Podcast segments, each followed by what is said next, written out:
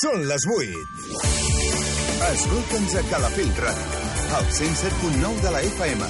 Mira'ns al web calafell.tv. Sent Calafell allà on siguis. Calafell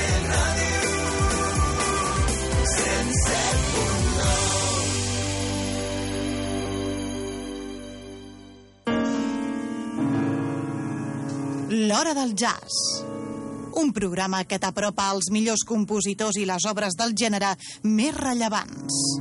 Ramon Robuster dirigeix i presenta L'Hora del Jazz, els dimecres de 8 de la tarda a 10 de la nit, amb repetició els diumenges a partir de les 11 de la nit.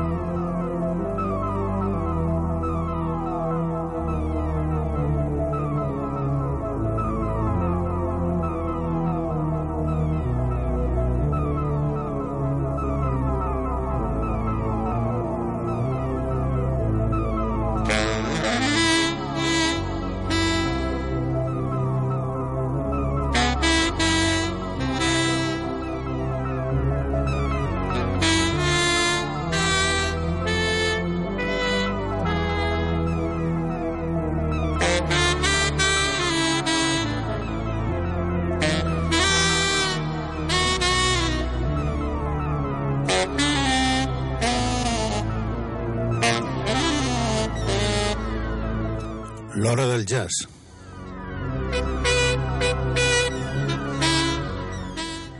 A l'Edu al control i Ramon Robuster amb els guions i el que us parla.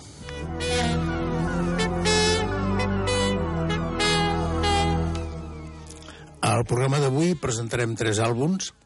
Eh, el primer d'aquest any, de fa molt poc temps, el segon de l'any passat i el tercer de l'any anterior, de 2000 eh, 21, de 2020, 20 i 21, i 22, perdó.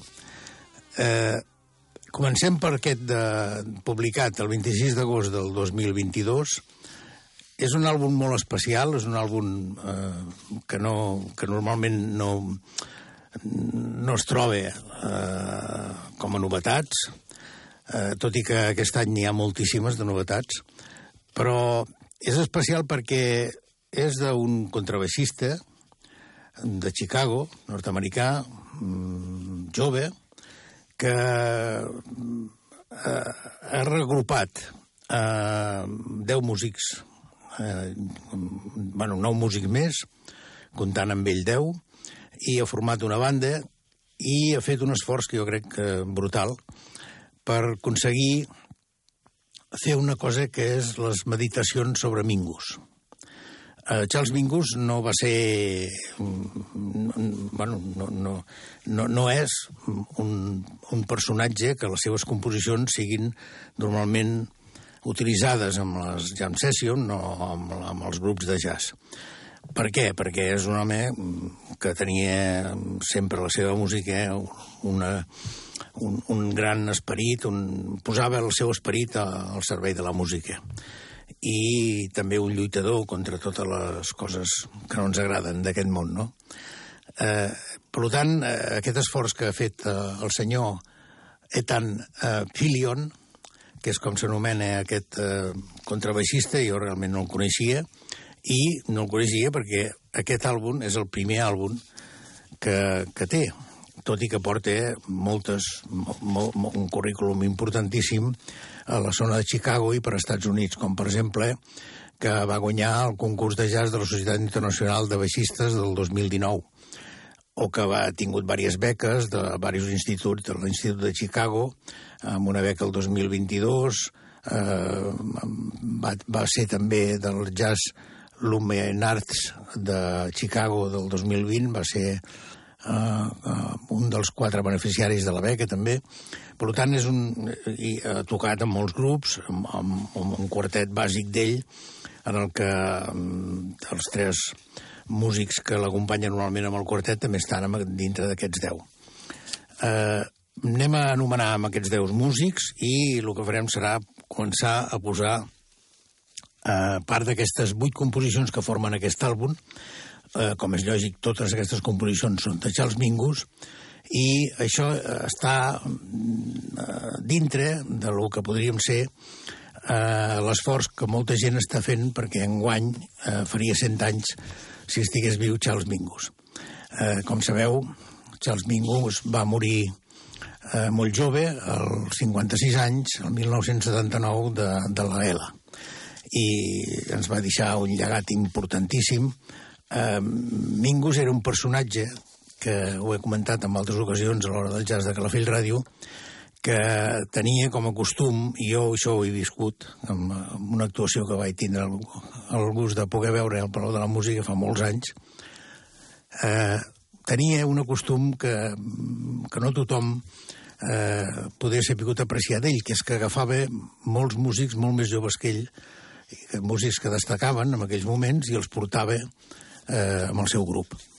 Eh, això, eh, tots aquests que anomenaré són joves també i aquest esforç jo crec que valia la pena portar a l'hora del jazz. Estem amb l'Ethan Fillion, amb el baix i amb els arranjaments de tot el grup de, de, de composicions. Russ Johnson a la trompeta, Víctor Garcia també a la trompeta, Sahib Hamil al saxual, eh, Geoff Brafdiev amb el saxo tenor, clarinet, baix i flauta, Bax Massensen amb el saxo tenor sexual i flaute, Norman Pal al trombó, Breden Wallen al trombó, Alex Lombre al piano i eh, Dana Hall a la bateria. Aquests són els músics i mm, de les vuit composicions que formen aquest àlbum eh, en posarem quatre. Anem per la primera. Eh, totes aquestes composicions van relacionades amb les lluites de les injustícies de, de la gent pobra, de la gent opresa, de la gent que ha estat en condicions malament als Estats Units i, com sabeu, eh, això era un, una de les especialitats i les lluites de Charles Mingus. Aquesta eh, que posarem, la primera, que és la segona d'aquest àlbum, és la cançó de lluita haitiana.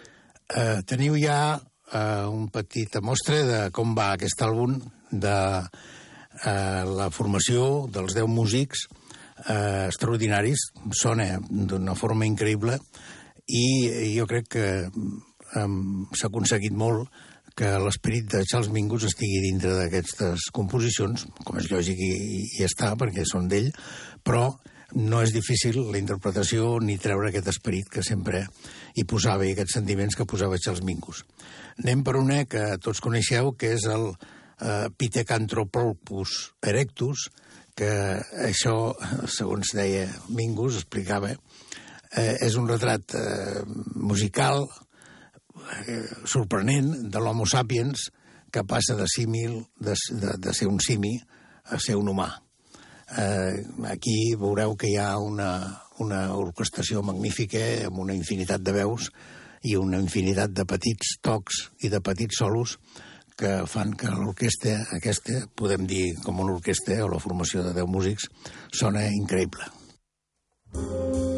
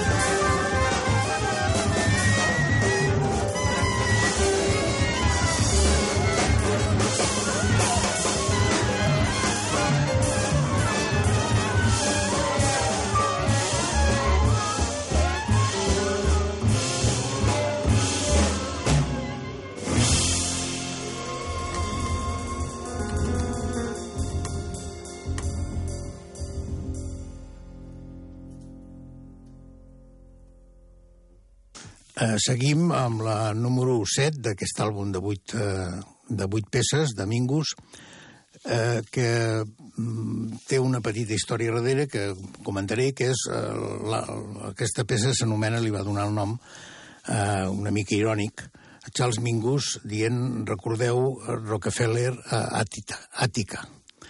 Àtica era una presó que el 1971 el governador de Nova York, Nelson Rockefeller, va, va rebutjar d'una manera molt notòria de visitar-la, que, cosa que havien estat sol·licitada pels presos perquè estaven dintre d'unes condicions dolentíssimes. Això va provocar un aixecament total dels presos, van estar quatre dies lluitant amb, els, amb més de mil soldats que van enviar a l'Estat, i el resultat van ser 33 morts i 10 hostatges. Eh, per acabar d'arreglar, el senyor Richard Nixon va convertir aquesta tragèdia en un triomf de la justícia governamental. Eh, tot aquesta, aquest relat, eh, com veieu, la música de Charles Mingus no hi ha veu, no hi ha explicacions. El que sí hi ha són aquests sentiments expressats a través de, dels instruments. I aquesta és una composició que va, que va fer que, bueno, que Mingus va dedicar amb aquest aixecament i va dedicar a tots aquests presos, eh, no només els que van morir els que van ser hostatges, sinó que, que bueno, els que van quedar allí i que van continuar tenint unes condicions dolentíssimes, tot i que amb el temps, mica en mica, es va arreglar. Eh, recordem, recordeu Rockefeller a Àtica. Thank Eh,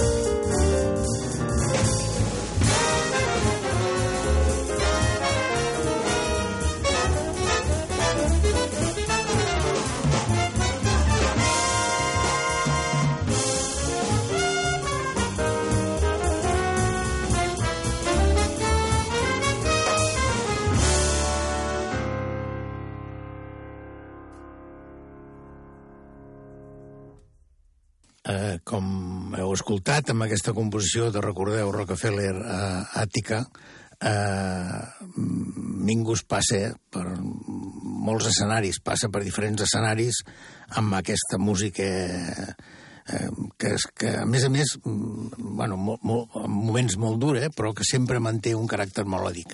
Això era una característica bàsica de, de Charles Mingus, una de les importants de Charles Mingus, i aquí està molt ben instrumentat i els arranjaments del senyor Ethan Fillion doncs, són fantàstics.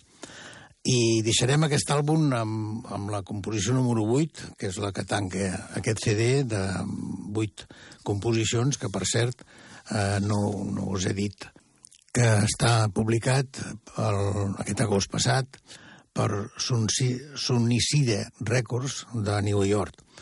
Uh, el nom de l'àlbum és Medit Meditacions sobre Charles Mingus, Meditacions on Mingus. El podeu trobar sense cap dificultat, avui en dia aquestes coses són molt fàcils. Doncs anem per aquesta última que us deia, aquesta última s'anomena Millor fes-ho a la teva manera, i aquí eh, Mingus introdueix una, una, un, un criteri eh, amb diferents estats d'ànim de, del mateix Mingus. No? O sigui, hi ha una barreja d'estats de, d'ànims i que és el que mateix que us comentava abans, que ja passa des de des d'unes sensacions i a unes altres. Eh, vull remarcar, vull remarcar molt aquest àlbum perquè i el vull recomanar perquè Mingus eh, passava mm, amb la seva música i les seves emocions. La seva música eh, té... Eh, la seva música, si la voleu si, si algun músic la vol interpretar, té molta fenya. Perquè recuperar aquestes emocions i expressar-les eh, sense problemes eh, perquè Mingus passava de la ràbia a l'humor o, o de la tristesa a l'alegria en instants, no? I això a vegades és molt difícil de poder demostrar i de poder fer. Eh, el senyor Ed Fillion, amb aquests deu músics que l'acompanyen, doncs jo crec que això ho ha aconseguit. Eh, totes aquestes emocions i aquestes composicions mm, no les, no les sentim normalment, no, no, no hi ha gravacions de Mingus, de, de la música de Mingus, perquè la música de Mingus és molt difícil tant en directe, tant amb actuacions en directe com amb, amb gravacions d'estudi, és molt difícil arribar als, als, als punts tan expressius de Charles Mingus. Aquí el senyor Ethan Fillion jo crec que ha aconseguit molt d'això, moltíssim, i per tant és un àlbum que recomanem totalment. Eh, Deixem-lo ja amb aquesta última composició, millor fes-ho a la teva manera.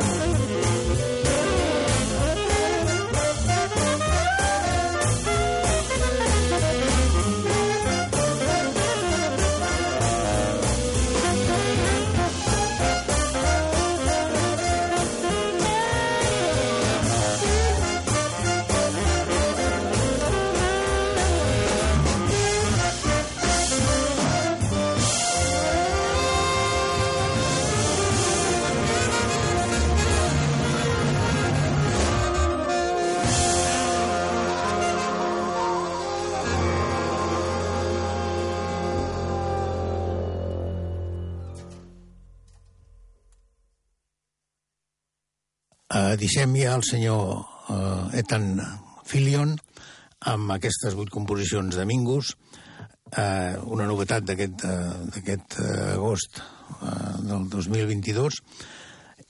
Eh, només vull dir que aquest grup de 10 músics, amb, el, amb ell com a director, amb el seu baix i com a director i com a responsable dels arranjaments, va ser el cap de cartell de, del Festival de Jazz de Chicago d'aquest any i eh, ha estat actuant per, bueno, per multitud d'espais de, per Estats Units.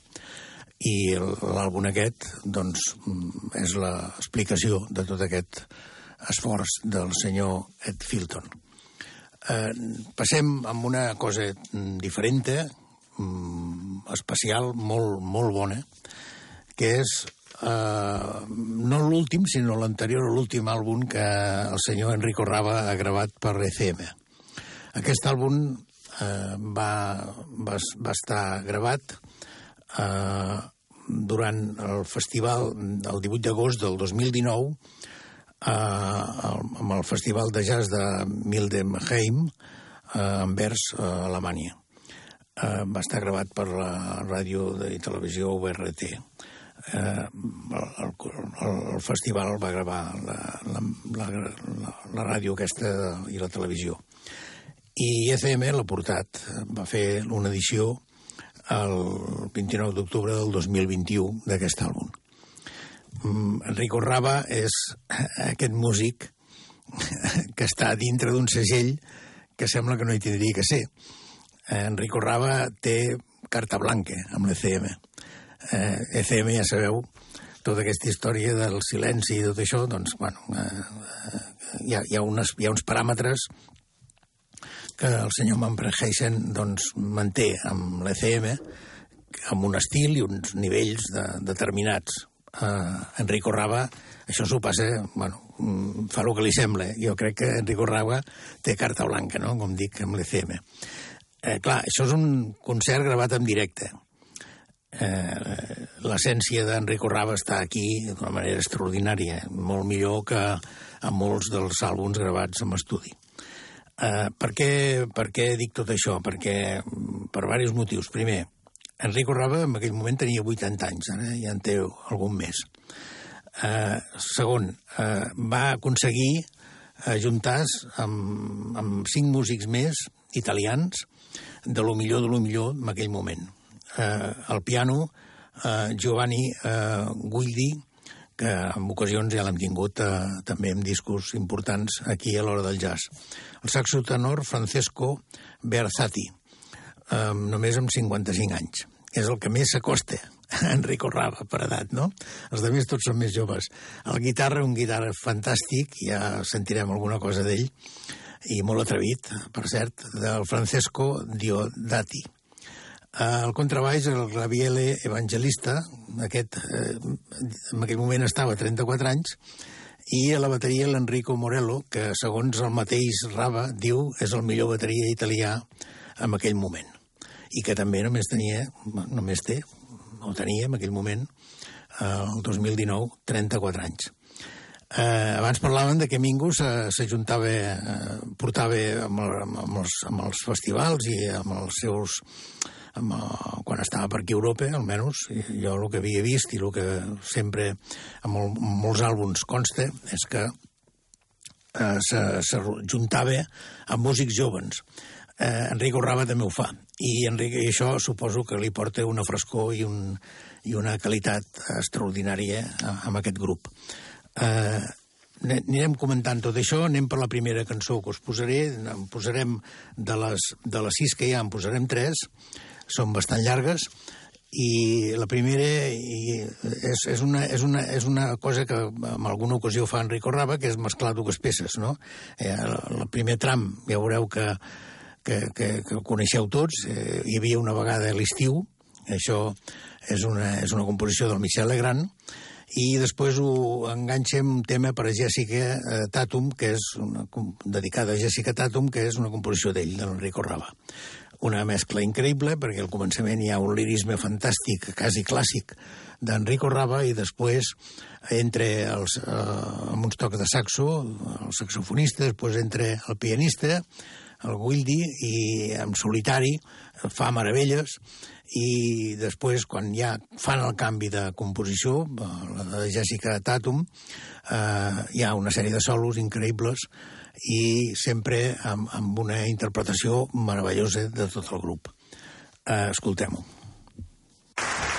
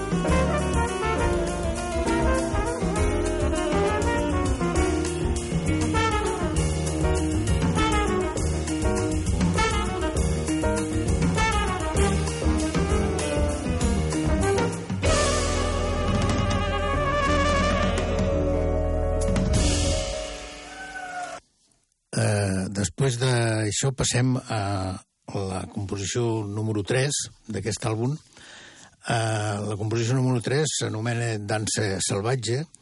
És una composició de grup del, del Morelo, del Rava, del Diodati, de l'Evangelista i del Petrella. I mm, abans ho comentava que el, el guitarra, Francesco Diodati, que és un personatge important dintre de la música amb aquest instrument a Itàlia i que, a més a més, eh, és molt atrevit i té, bueno, és molt creatiu. Uh, aquí, um, aquesta peça, de fet, va, va ser ja composta i va ser interpretada abans d'aquest concert amb una gravació que, que jo recordo que del 2015 de l'Enrico Rava Quartet eh, i era poder un dels temes principals d'aquest àlbum. Això va ser un altre dels discos d'ECM, que per cert, aquest àlbum d'ECM d'Enrico de, el número 18. Eh, com us he dit, n'hi ha un altre posteriorment, després ho comentarem. I possiblement el portarem també a, a aquí a l'hora del jazz més endavant. Eh, bueno, anem per aquesta peça que hi ha uns, uns, unes coses importants, unes coses... L'he volgut posar expressament perquè a lo millor molts de vosaltres us sorprendreu, perquè hi ha un, hi ha un, hi ha un moment en què el guitarrista comença a fer una sèrie de, de distorsions i amb un so que està flotant, que queda flotant a l'aire, i d'una manera juxtaposada, eh, juxtaposant el, el seu fiscorn, Enrico Rava, va donant tot uns tocs, i quan ho explica això, Enrico Rava diu que això són núvols de sons núvols de sons. Una descripció fantàstica de tot això. Anem a escoltar-ho. Dansa salvatge.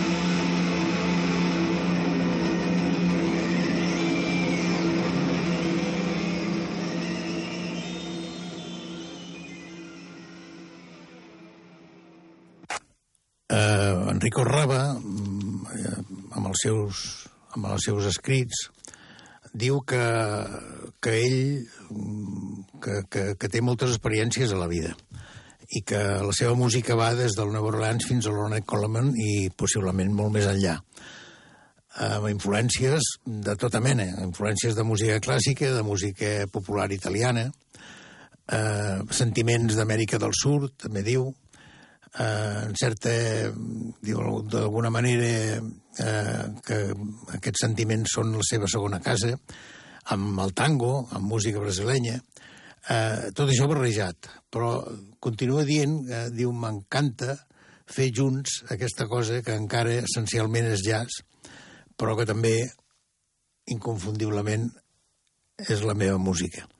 I és veritat, perquè la música d'Enrico Rava és molt diferent de molts músics, i aquesta experiència amb aquests músics que va, que va ajuntar per fer aquest concert eh, al Festival de Jazz de Mildheim eh, el 2019 eh, a Alemanya, eh, doncs mm, aquest àlbum és la prova de, de tot això que explica ell, no? d'aquestes influències.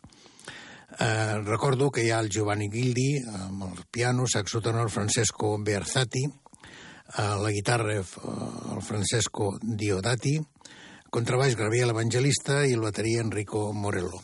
Precisament aquests dos formen un bon grup un, no, no un bon grup, uns bons moments amb una combinació fantàstica amb aquesta peça última que posarem, que és les coses habituals. Aquí també hi ha aquesta cosa que li agrada a Enrico Rava, que és ajuntar dues composicions, en aquest cas totes dues són d'ells. La primera és Les coses habituals i la segona és Diva. Uh, aquesta és una de les peces que, que li encanta tocar uh, i que hem portat aquí al programa fa molt de temps amb aquells duets fantàstics d'ell i l'Estefano Bollani amb el piano. Uh, aquí també el porta i és la composició eh, número 5 de les, de les 6 que forma aquest àlbum. La última és una cosa especial, que és el Quizás, Quizás, Quizás, que tots coneixeu, i bueno, els crítics diuen que haver portat com a última peça aquesta vol dir que l'Enrico Rava i els seus músics ho estaven passant molt bé i estaven disfrutant. Uh, aquí, amb aquesta que sentirem, uh, els tan fantàstics, tots els músics, i jo vull destacar el, el Giovanni Gildi amb el seu piano que fa uns moments increïbles junt a el que s'ha dit el Francesco Diodati, el guitarrista i el baix que també fan una combinació meravellosa. Anem amb aquestes dues últimes per tancar aquesta representació d'aquest àlbum de l'Enrico Rava eh, que s'anomena Edició Especial i que podeu trobar a l'ECM amb la referència 2672 editat el 29 d'octubre del 2021 eh, bueno, anem, anem a escoltar eh, les coses habituals i el diva.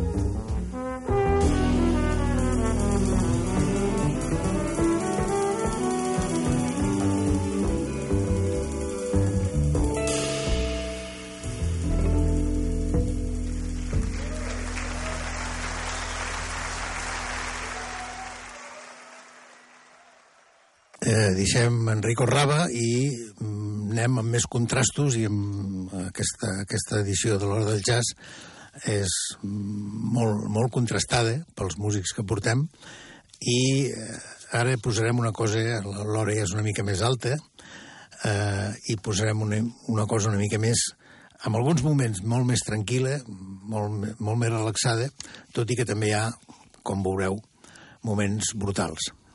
Això és un àlbum del senyor Terje Riptal que es diu Conspiració. Eh, va estar gravat eh, el febrer del 2019 i l'edició de l'ECM va ser el setembre del 2020. Va estar gravat amb, amb estudi, al Rainbow Studio d'Oslo, aquest famós estudi que ha sortit la majoria de, de discos d'estudi de l'ECM, i eh, és, és, és increïblement... És una meravella aquest àlbum, és increïble. Perquè ha aconseguit ajuntar eh, músics que havien tocat amb ell feia, més de, feia molts anys, feia més de 30 anys. Eh, en aquell moment, eh, l'Enrico, el, perdó, l'Enrico, el Terje Riptal, eh, tenia 75 anys. I qui dic que va juntar? Va juntar amb els teclats el, el, el, el Stale Storkonken, que és un dels que l'ha acompanyat en infinitat d'ocasions amb els millors àlbums de, del Terje Riptal. El Pal Trofsen a la bateria i l'André Henriette uh, Harler uh, amb el baix elèctric i el Fender uh, amb un baix amb un Fender baix.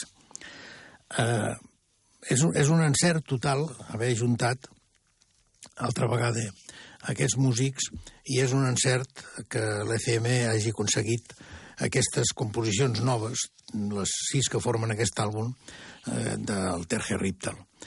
Eh, composicions que en moltes ocasions ja són quasi... sembla que donen la sensació que siguin com improvisacions, no? Tot i que sempre hi ha un fons de molta melodia i molt melòdic i molt líric de Terje Riptal. Eh, hi ha una descripció, eh, si entreu a la pàgina web de ECM, eh, hi ha una descripció d'aquest àlbum, com sempre fa, i hi ha les crítiques, en fi, tota la història del... Però al començament parla d'una petita cosa que diu que és que, eh, que, que, que això, aquest àlbum és un motiu de celebració per ECM, perquè aquest guitarrista noruec torna a connectar la inspiració eh, salvatge que va alimentar les seves obres primeres, que estan també a CM, com el Benever, el Cento Todaví, eh, perdó, el, el, el Simto de Bifair, el, el Hawaii, l'Odissei o el Waves. Tot això, eh, n'hi ha algun que poder no l'han posat, però la majoria els han posat a l'hora del jazz durant molts anys eh, a Calafell Ràdio i que explore aquest potencial sonor que té amb la guitarra i l'amor i l'energia bruta d'un inspirador de rock i de jazz eh, i que una altra de les coses que, que, que són importants és que hi ha el teclista el, el, aquí que va fer els àlbums com el uh, Bassengurg i el Crim Stene, que recordo que tots dos els hem posat a l'hora del jazz, i que torna a estar amb ell Eh, hi ha músics com el Pal Torsen, que va ser en grups als anys 70 amb l'Eric Andersen. Tot això és aquest moviments dels països nòrdics tan importants per ECM i tan importants per la música de jazz europea. Eh, anem per escoltar música, no us vull explicar més històries. La primera eh, li he donat el nom de com si el fantasma fos jo, i aquí eh, hi ha una, una potència ambiental aquesta que sempre sap fer Terje Riptal eh, que està present constantment i, i, que, i que explica, possiblement eh, és un dels distintius eh, del millor, dels millors treballs de, de Terje Riptal. Sembla que amb aquesta peça estigui explicat quasi tot, no? Eh, sembla un resum. Eh, N'hi ha algun altre que també ho fa, això, també, que també ho sembla eh, anem com si jo, com si el fantasma fos jo.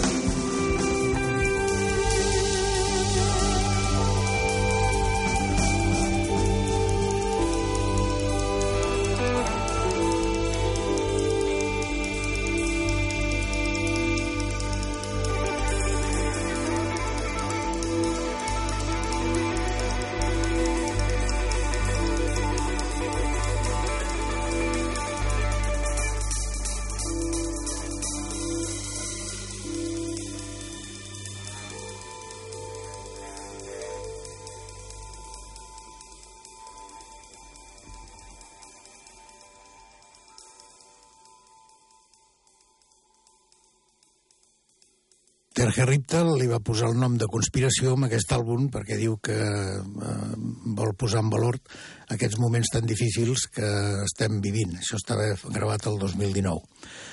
Eh, com que m'enrotllo més del conte i improviso massa, eh, posarem dues composicions seguides, La conspiració, que és la que porta el nom de l'àlbum, i El bebè bonic, el Babi Butterfield, eh, que és fantàstica. Les dues són fantàstiques.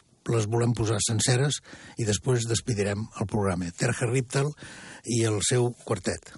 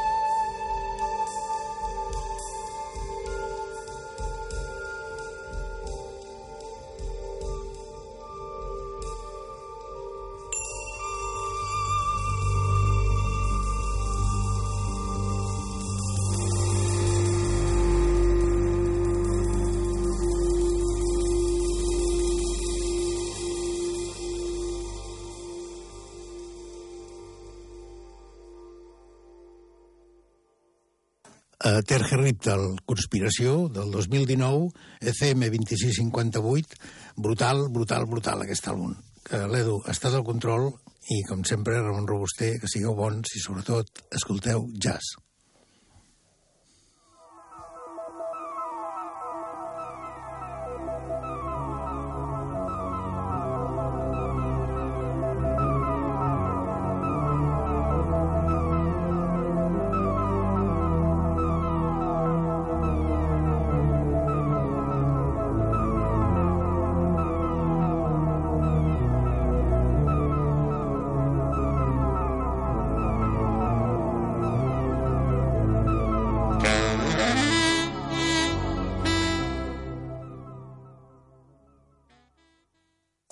Connecta't a calafell.tv.